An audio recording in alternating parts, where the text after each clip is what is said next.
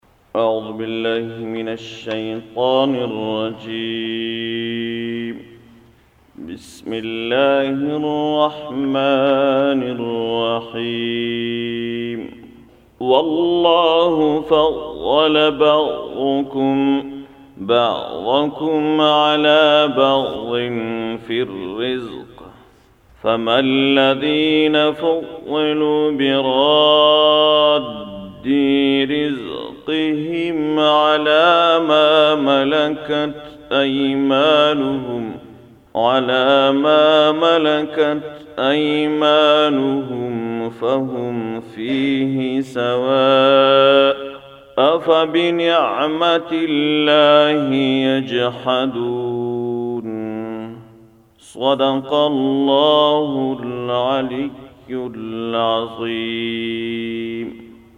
سورة النحل څوارلسمه سپاره یو اویا لمبر آیات په دې آیاتو کې الله جل وعلا فرمایي دا چې انسانان الله جل جلاله مختلف النوع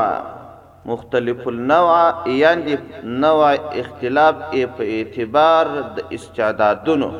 الله جل جلاله انسانان بېل بېل مختلفو طبائعو والا، مختلفو استعدادو والا، مختلفو طاقتو والا پيدا کړي دي. په يوه انسان کښې استعداد ډېر اېښی په بل انسان کې استعداد لږ اېښی په بل انسان کې متوسط وي فکرونه او عقلونه هم په دغه حساب دي د چا فکر زیات وي پوهه یې زیاته وي ذکاوت ېې زیات وي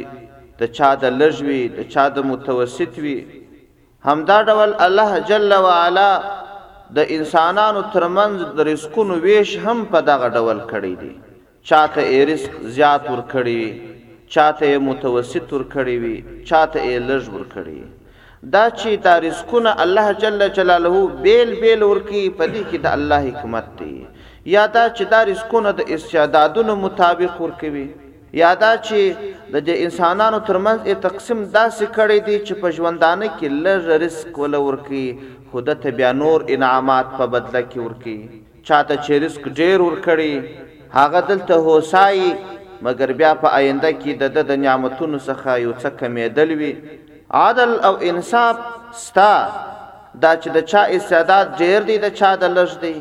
د چا د متوسط دی، د استعدادونو يا د ځينو نورو حکمتونو پر بنياد الله دا رزقونه هم فرق ورکړي دي. او همدا ډول دا انسانان چې په ژوندانه کې اوسېږي، ځينې انسانان دي هغه د بادار په نوم ژوند کوي، آقا، بادار، مولا او ځینې انسانان د غلام په توګه، د مادون، تحت، لاندې، مأمور، په دې حیث باندې ژوند کوي. دا چې اوس مریان په دنیا کې نشته، مریان او مینځیان خو پخوا وه. هغه مریان او مینځیان چې په ژوند کې وه، د اسلام په چوکاټ کې هم مستقل احکام دې مریانو او مینځیانو ته ټاکل شوي وه. نو بادار چې به کوم ژوند کاوه هغه به بېل و، غلام چې به کوم ژوند کاوه هغه به بېل و، ځکه غلام یا مریی دې د هېڅ شي صلاحیت نه درلود، هر څه پیسې چې به په لاس ورغلې هغه یې د بادار وې، نۀ د ژوند کولو صلاحیت مستقل درلود، نۀ یې د کور کولو، اولادو کولو، څه رانیولو، خرڅولو د دې صلاحیت یې نه درلود،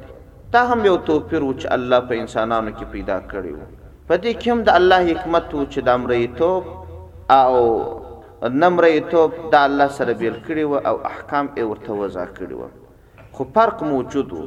اوس راځو اصلي مقصد ته چې الله دا فرق موجود کړي دي په دې کې اصلا الله عزوجل یو مثال بیانوي وایي تاسو وګورئ که چیرې یو بادار وي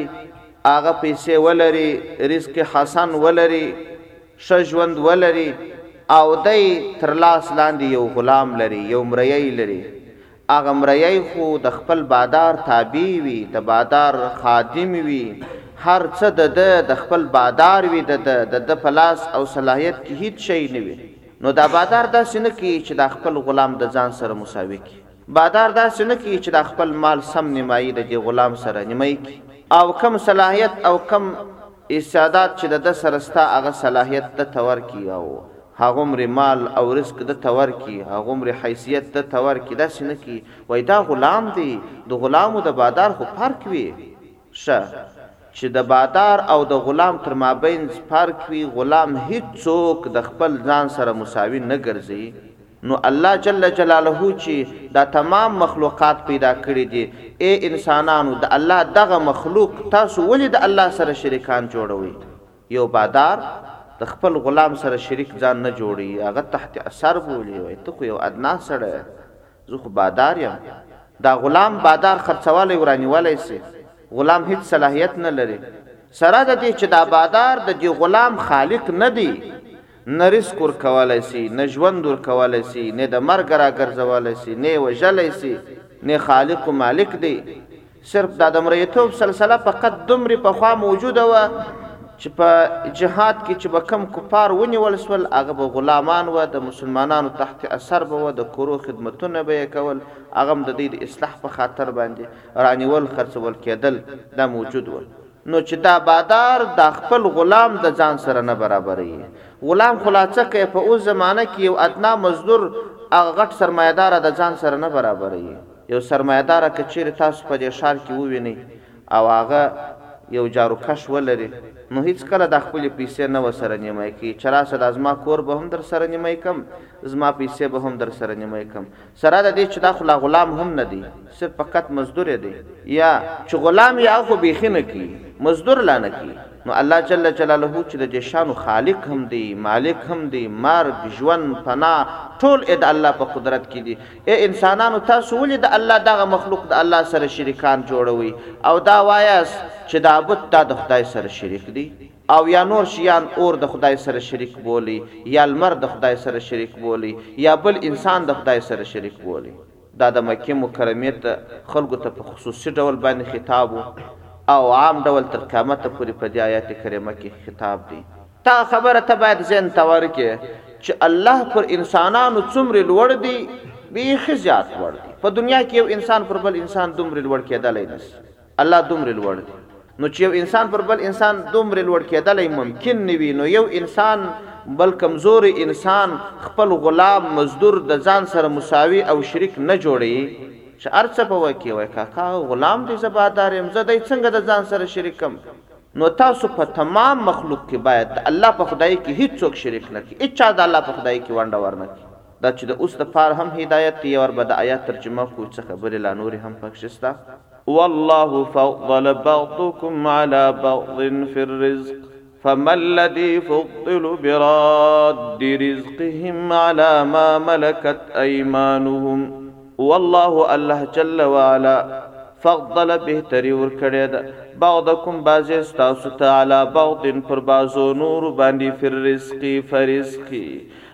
الله داسې کړي دي چې په تاسو کې ځینو خلکو ته ډېر ډېر رزق ورکړی دی او چاته یې لږ رزق ورکړی دی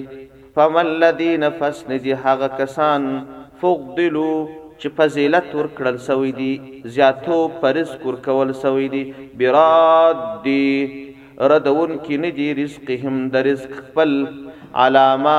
ملکت ایمانهم پر هغه مریانو باندې چې مالکان دې شي لاسونه د دوی. علی ما ملکت ایمانهم هغه مریان چې د دوی شي لاسونه یې مالکان دي دا په عربي کې ژبه کې یو اصطلاح دی وایي د ده شي لاس ئې مالک دی د ده شي لاس ئې مالک دی دا نو څه معنی دا داسې مثال لري لکه په پښتو ژبه کې هم داسې یو سلسله سته وای دا کار وکه وای په لاس کی اوس شی نه لرم په لاس کی اوس شی نه لرم یعنی مقصد ېې دا دی چی پیسی نه لرم په لاس کی څه شی نه لرم یعنی په اوس کی موجوده پیسی راسره نسته دا چی وای پلانکی سړی د دی مال د دی شی لاس د ده د دی مال مالک دی دا په عربو کی داسی یوه اصطلاح وه الله جل جلاله فرمایی وای کوم کسان چی فضیلت ورکړل سوی دی هغه ردونکي ورکونکي د خپلو رزقو نه دي اعلی ما پر هغه مریانو باندې ملکت چې مالکان دي ایمانهم چې لاسونه د دوی د کومو مریانو چې دوی مالکان دي هغو ته یې نه ورکوي هغه د ځان سره شریکانه یې نه فهم فيه سواء فهم چې فس دی دی فيه په دې مال کې په دې رزق کې سواء سره برابر سي داسې نه کی وای دی بکشتی زبل وړم افبنعمت الله ایا فس په نعمت الله یجحدون دی منکران کیږي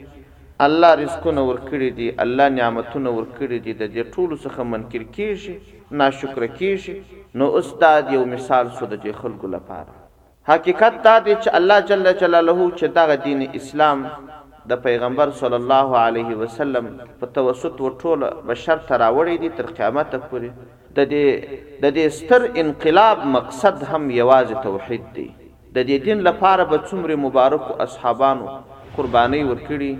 څومرې مبارک مبارک اصحابان به شهیدان سوي تابعین به شهیدان سوي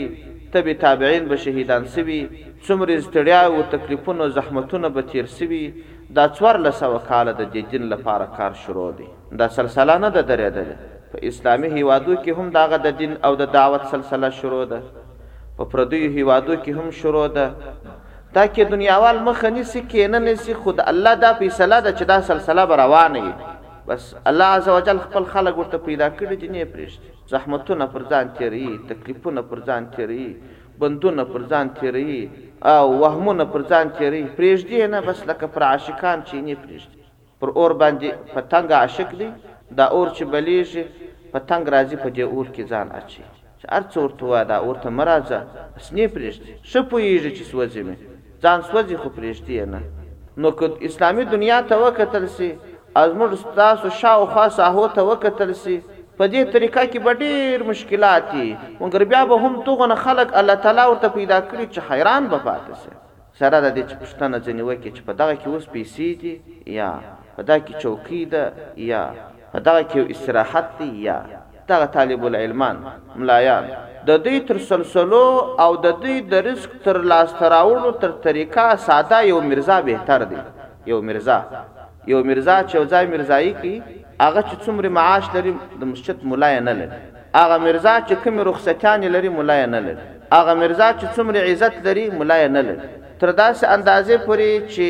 که طالب العلمان راواخلي هغه چې د مکتب متعلمین کم اعزاز لري متطالب یې نه لري کم امتیاز چې هغه لري دا یې نه لري نو بیا چې یو چا ته وا طالبه ته نو څه کوې چې د اوغه وطن نه راورک کې دلته په دې اجورو کې اوسېږې او شل مشکلات درته متوجه دي او ډوډۍ او خوراکه دې په دغسې نل او فضلول ده نو ته به ملا شې نو اول وارې دا خلک ملايي نه درکوي بيا چې ملايي درکړل بيا به نو څومرې ډېرې خبرې درته کوي يو پنځوسی اوسلی به د مياشتې درکوي هغه به هم شل خبرې درته کوي.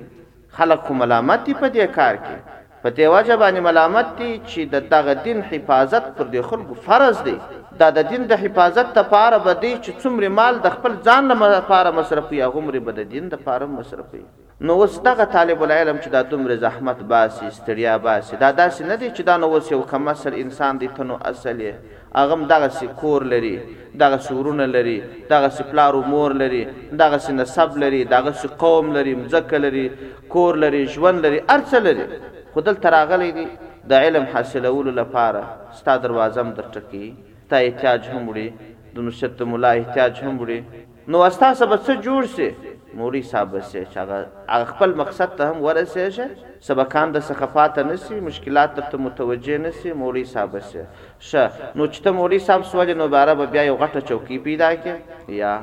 ښه چې ته مولوی صاحب سوې نو یو سرمایه دار به سي یا نو چش به کې بس ملایي کوم درس کوم په درس کې چش ستا ښه خوند کوي دا اصلا د الله عز وجل حکمت دی چې د دې دین حفاظت کوي کنه نو په ظاهري لحاظ باندې چې څوک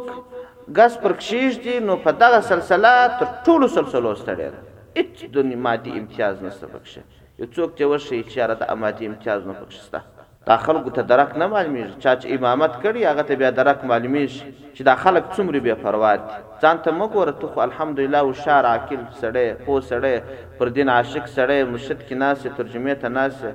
نو ته د علماوو سره هم محبت لرې حتماً علماوو ته په سپکه سترګه نه ګورې. نو خو په هر محل کې یو نه لس نه شل داسې رزیل کورونه شته چې هغه دین نه پېژني، هغه د علماوو توهین کوي، هغه د طلباوو توهین کوي، داسې کسان ډېر شته، هغه په سپکه ورته ګوري، هغه نو چې ده طالب العلم شل کاله خواري کښلې ده، کښلې ده او په دې شل کاله کې د دین د زده کړې لپاره کوشش کړی دی، دی چې په سپکه ورته وګوري نو درې ورځې یې زړه درد کوي، وايي ولې داسې وشوه؟ لکه د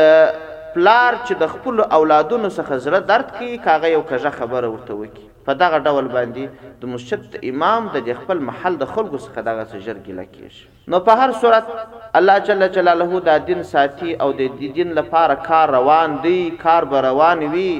او کار را روان و د پیغمبر علیه السلام د زمانې څخه دا د څه لپاره د توحید لپاره که فقط یوازې خدای منل وي نو په ټوله دنیا کې داسې څوک نشته چې هغه چې د خدای منکر وي څوک منکر دي يهود نصارا هندوان دا ټول الله مني دی الله ستا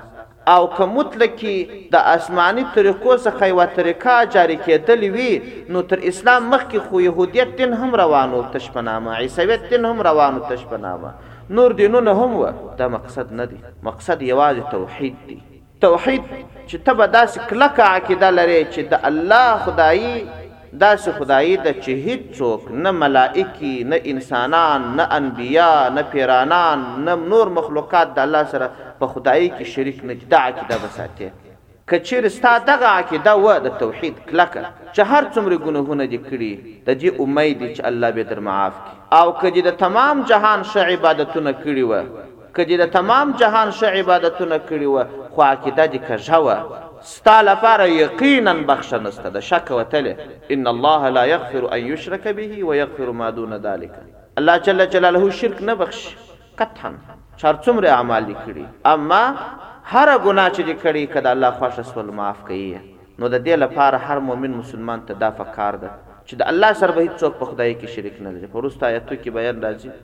هر څه الله کوي. الله جل جلاله په راتلونکو آیاتو کې مثالونه بیانوي، وايي، د دنیا د باچهۍ مثال داسې نه دی لکه د الله د باچهۍ ده، د الله باچهۍ بېله ده. پسې آیت کریمه ته راځو.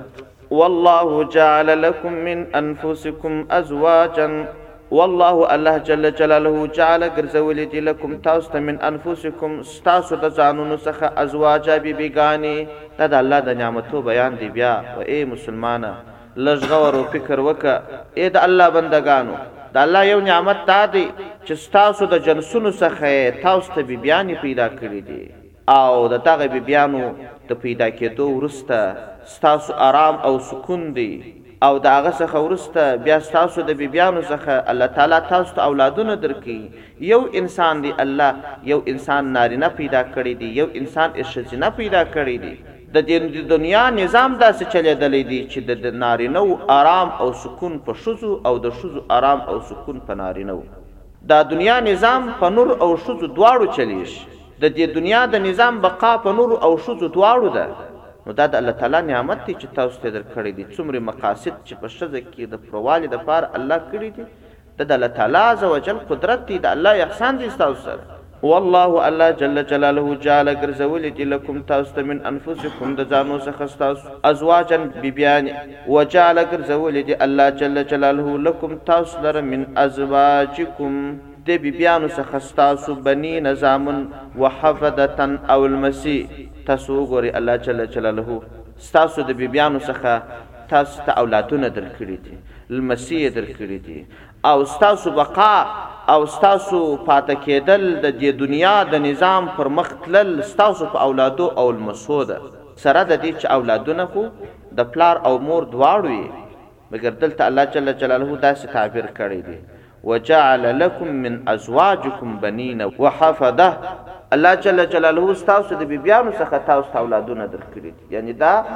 ځکه دا خبره کړې ده چې د اولاد په تربیت کې زیاته ونډه مور اخلي همدا وجه ده چې د مور حق تر پلار زیات دی پیغمبر صلی الله علیه وسلم ته صحابي رالی ولیا رسول الله شد چا سره وکم پيغمبر صلی الله عليه وسلم ورته د مور سره وکه بیا ورته یا رسول الله بیا د چا سره وکم ول د مور سره وکه ول بیا د چا سره وکم ول د مور سره وکه ول بیا د چا سره وکم ول د پلار سره د پلار حق څلرمه حصہ دی درې حصے حق د مور دی څلرمه حصہ حق د پلار دی خدا خبره په یاد ساتل پکار دی چې ته به و پلار ته دا خبره نه ښکاره کوې چې پلاره ستا خدمت زه څلرمه کوټه کوم درې حصې خدمت د مور کوم نه وای دا خبره به نه کوې د پلار به داسې خدمت کوې چې د پلار دې دا یقین سي چې دا زوی یوازې او یوازې سل فیصد زما خادم دی او د مور عزت به داسې کوې چې د مور دې دا یقین سي چې دا زوی مې سل فیصد زما خادم دی د پلار خدمت به هم په پوره ډول کوې او د مور خدمت به هم په پوره ډول کوې او ګوره پام د دې خبرې اظهار به نه پلار ته کوې نه به مور ته کوې د دې خبرې اظهار به پلار ته نه کوې چې پلاره د مور سره تر تا زما ډېر محبت دی د مور خدمت تر تا ډېر کوم بیا ناراضه کېږي د پلار ناراضه کی تا ته حرامه ده حدیث مبارک کې راځي وایي د الله رضا د پلار په رضا کې ده د الله غضب د پلار په غضب کې که د پلار راضی کی الله به د سرازی که د پلار د سنارازو الله د په غضب کړي نو پلار به په هیڅ صورت نه ناراضه کوي او مور ته به هم داسې نه وایي چې مور زما ستا سره در پلار ډیر محبت دی یا می د پلار سره در تا ډیر محبت دی د پلار به هم دا یقین وي چې زوی می ډیر محبت را سره لري د مور به هم دا یقین وي خو اما کچیر د احترام ځای رالی د احترام په ځای کې بیا د پلار قدر تر مور ډیر دی که د عزت او د قدر او د احترام خبره راغله نو بیا به ته د پلار قدر او احترام تر مور زیات کړې. او دلته الله جل جلاله د دې زامنو د زامنو څخه تعبیر په حفدةً باندې وکړي، حفدةً،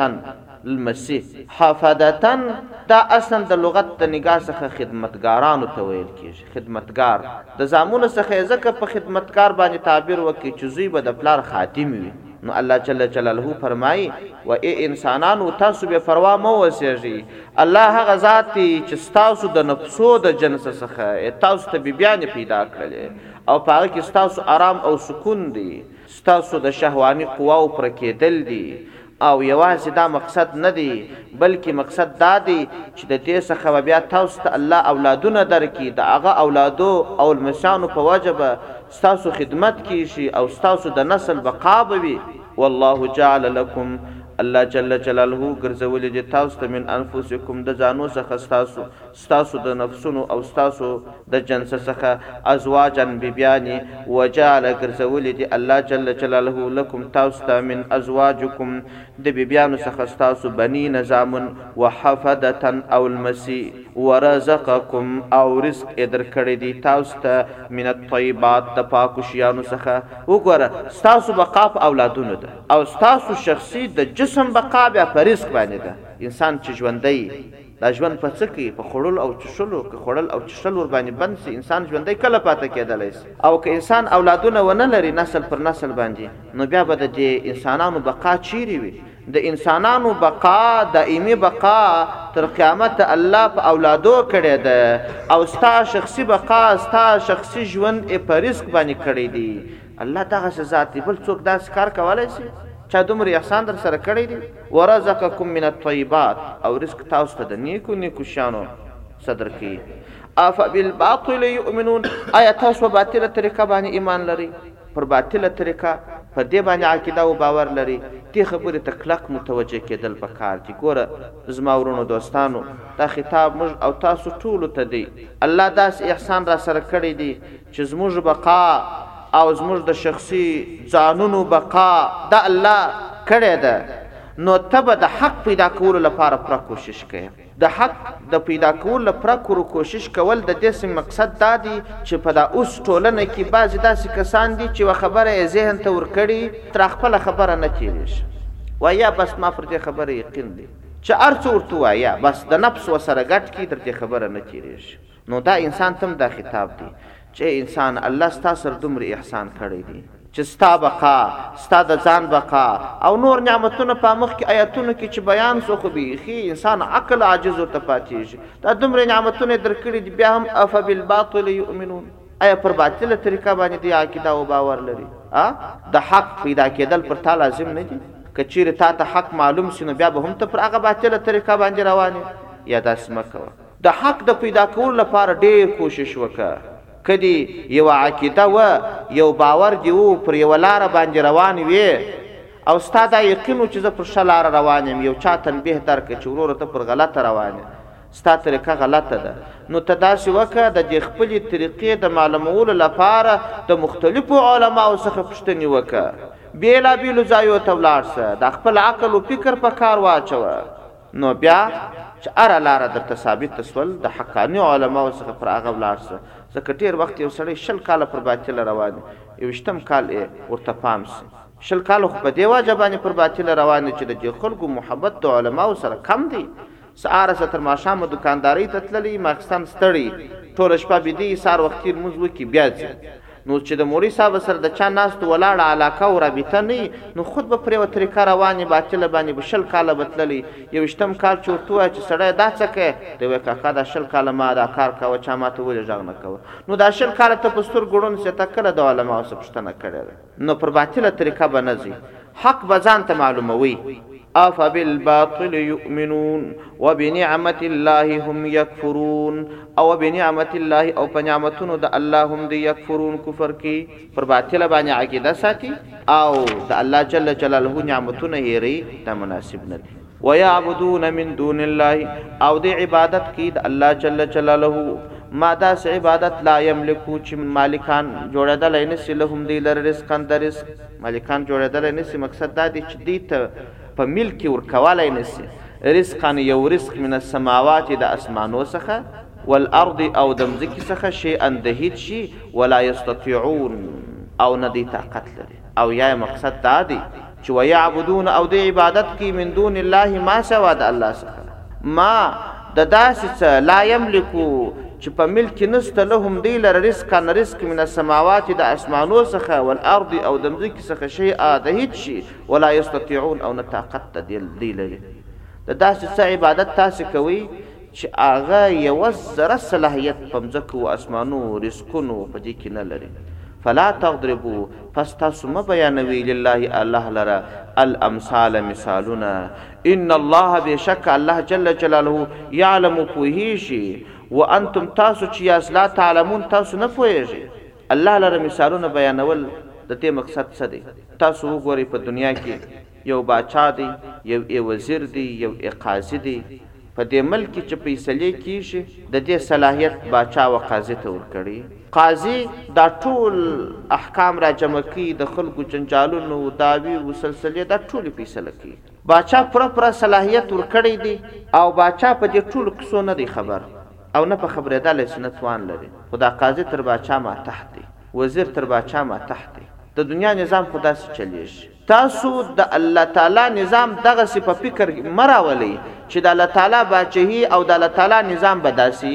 الله جل جلاله د تمام عالم که په مځکه کې څه کارونه دي که په اسمانو کې څه کارونه دي که په هواو کې څه کارونه دي دا ټول د الله په علم کې دي الله یې فیصله کوي یا د ملائکو په وسیله یا د یو انسان په واسطه خو الله یې کوي الله ور باندې علم لري الله یې کوي کوی ظاهری سبب ای انسان یا ملائک ورته جوړ کړي په تمام عالم کې د هیڅ چا لپاره هیڅ تصرف د الله په بادشاہي کې نشته دغه ظاهری تصرفات خو ستا چې انسان دی دیوال جوړي کور جوړي موټر جوړي سړک جوړي دکان کې د دې کارو کوونکی هم هسې الله دی دا یې ظاهری اسباب دي دغسې ظاهري يو شی که چا ته ورکړي، حقيقي به الله وي. نو تاسو داسې مه کوئ چې واه زه د دې بت عبادت کوم، دا لکه، نعوذ بالله، د خدای وزير يا د خدای قاضي، د الله، د الله و ذات ته به ما نږدې کړي او دا فيصله به مې الله ته ورنږدې کړي او الله ته به مې سپارښت وکړي. فلا تضربوا لله الامثال، تاسو دغسې مثالونه الله ته مه واياست. د الله باچهي بېله ده. ان الله يعلم وانتم لا تعلمون الله پوهېږي، د الله چې کوم علم دی ستاسو هغومره علم نشته، تاسو نه پوهېږئ. وضرب الله مثلا عبدا مملوکا، الله جل جلاله یو بل مثال تاسو ته بیانوي. وضرب الله بیانوي الله جل جلاله مثلا یو مثال عبدا په یو مريي سره مملوکا چې مملوک د یو چا وي، د یو چا په ملک کې وي، بادار ئې بل څوک وي، لا يقدرو چې قدرت نه لري علی شيء پر هيڅ شي باندې او ومن د هغه چا رزقناه چې موږ په رزق ورکړي وي هو هغه ته منا زموږ د طرفه څخه رزقا رزق حسنا نيک رزق فهو پس دغه سړی ينفق نفقه کوي منه د دې مال څخه سرا وجهرا په پټ او ښکاره سره هل يستوون آيا دا دواړه سره برابر دي تاسو فکر وکړئ یو مریی دی د یو چا غلام دی هغه رانیولی دی یو څو ورځې خدمت به کوي بیا یې بیرته خرڅوي هیڅ شی نه لري نه یوه روپی لري او نه صلاحیت لري نه د ازاد ژوند کولو طاقت لري یو بل کس دی الله وایي هغه ته بیا موږ رزق ورکړی دی ډیر مال مو ورکړی دی او هغه په پټه او په ښکاره باندې د الله د رضا لپاره مالونه نفقه کوي. ایا دا دوه سره برابر دي؟ یا هیڅکله نه. ته چې مسلمان یې، ته داسې یې، د الله بنده یې، الله عزوجل تا ته رزق حسن د له درکړی دي، د لوی الله غلام یې، د الله بنده یې. او هغه کس چې هغه د بت عبادت کوي، بت ته سجده کوي، بت خپله د الله مخلوق دي، د مخلوق مخلوق، دا دوه سره برابرېدلای شي؟ یا هیڅکله نه. الحمدلله کامل حمد الله لره دی بل خبره دا ده اکثرهم اکثره د دی لا یعلمون نه پوهیژ بل مثال الله بیانوی وضرب الله مثلا رجلین وضرب بیانوی الله الله جل جلاله مثلا په مثال کی رجلین دوا کسان احدهما یو د دو کسانو ابکمو کونګی وی لا یقدرو چې قدرت نه لري علی شیء پر هیڅ شی باندې او هو دی کلّ دروند وي علی مولاه پر بادار خپل باندي ګوره ګونګی چي وي هغه طبعاً کوڼ هم وي ځکه چي یو ماشوم مادرزاده کوڼ پیدا سي نو هغه بیا ګونګی وي ځکه خو ده څه نه يي اورېدلي څه یې نه يي زده کړي نو څه ویلای هم نه سي. نو دغه ګونګی چی دی دا به تر لاس نیسی بیا به دی یو کار کوی نور خو دی څه نه اوری چی ته خبره ورته وکی ځان په تفصیل یی پوه کی بیا یی په یو کار پسی واستوی. بس د بادار د غاړی به یی نو هو کل علی مولاه د بادار د غاړی به یی تر لاس به یی نیولی یوی خوا او بلی خواته به یی بیایی او که یو خواته واستوی کار نه سي کولای. اینما یوجهه هر طرف ته چي ولیږي هو دا مریی لا یأتي هو دغه کس دغه کس چي دا ګونګی دی لا یأتي راتلل نه کوي بخیر په ګټه سره ګټه نه سي راوړلای ګونګی دی نه څوک پوه کولای سي نه څوک دی پوه کولای سي نه دی څه اوري هل یستوي آیا برابر دی هو دی ومن هغه څوک یأمر چي امر کوي بالعدل په انصاف سره یو بل کس بیا دی هغه بیا ښه اوریدل لیدل ښه فکر والا دی د عدل او د انصاف فیصله کولای شي دا دوه سره برابر دي یا کافر او ګناهګار او بد عمله دا داسې دی لکه ګونګی او نیک انسان داسې دی لکه فکر والا پوه انسان لرې او نږدې کتونکی انسان دا نه دي سره برابر. نو لکه څرنګه چې ته د هغه کمزوري سړي څخه کرکه کوې، نو پر ځان رحم وکړه، ځان د دې کمزورۍ وباسه، دغسې تکړه سړی له ځانه جوړ کړه. او هو، او دغه کس علی صراط مستقیم، پر سیده سیده لاره باندې برابر وي. سبحان ربک رب العزة عما یصفون وسلام علی المرسلین والحمدللة رب العالمین.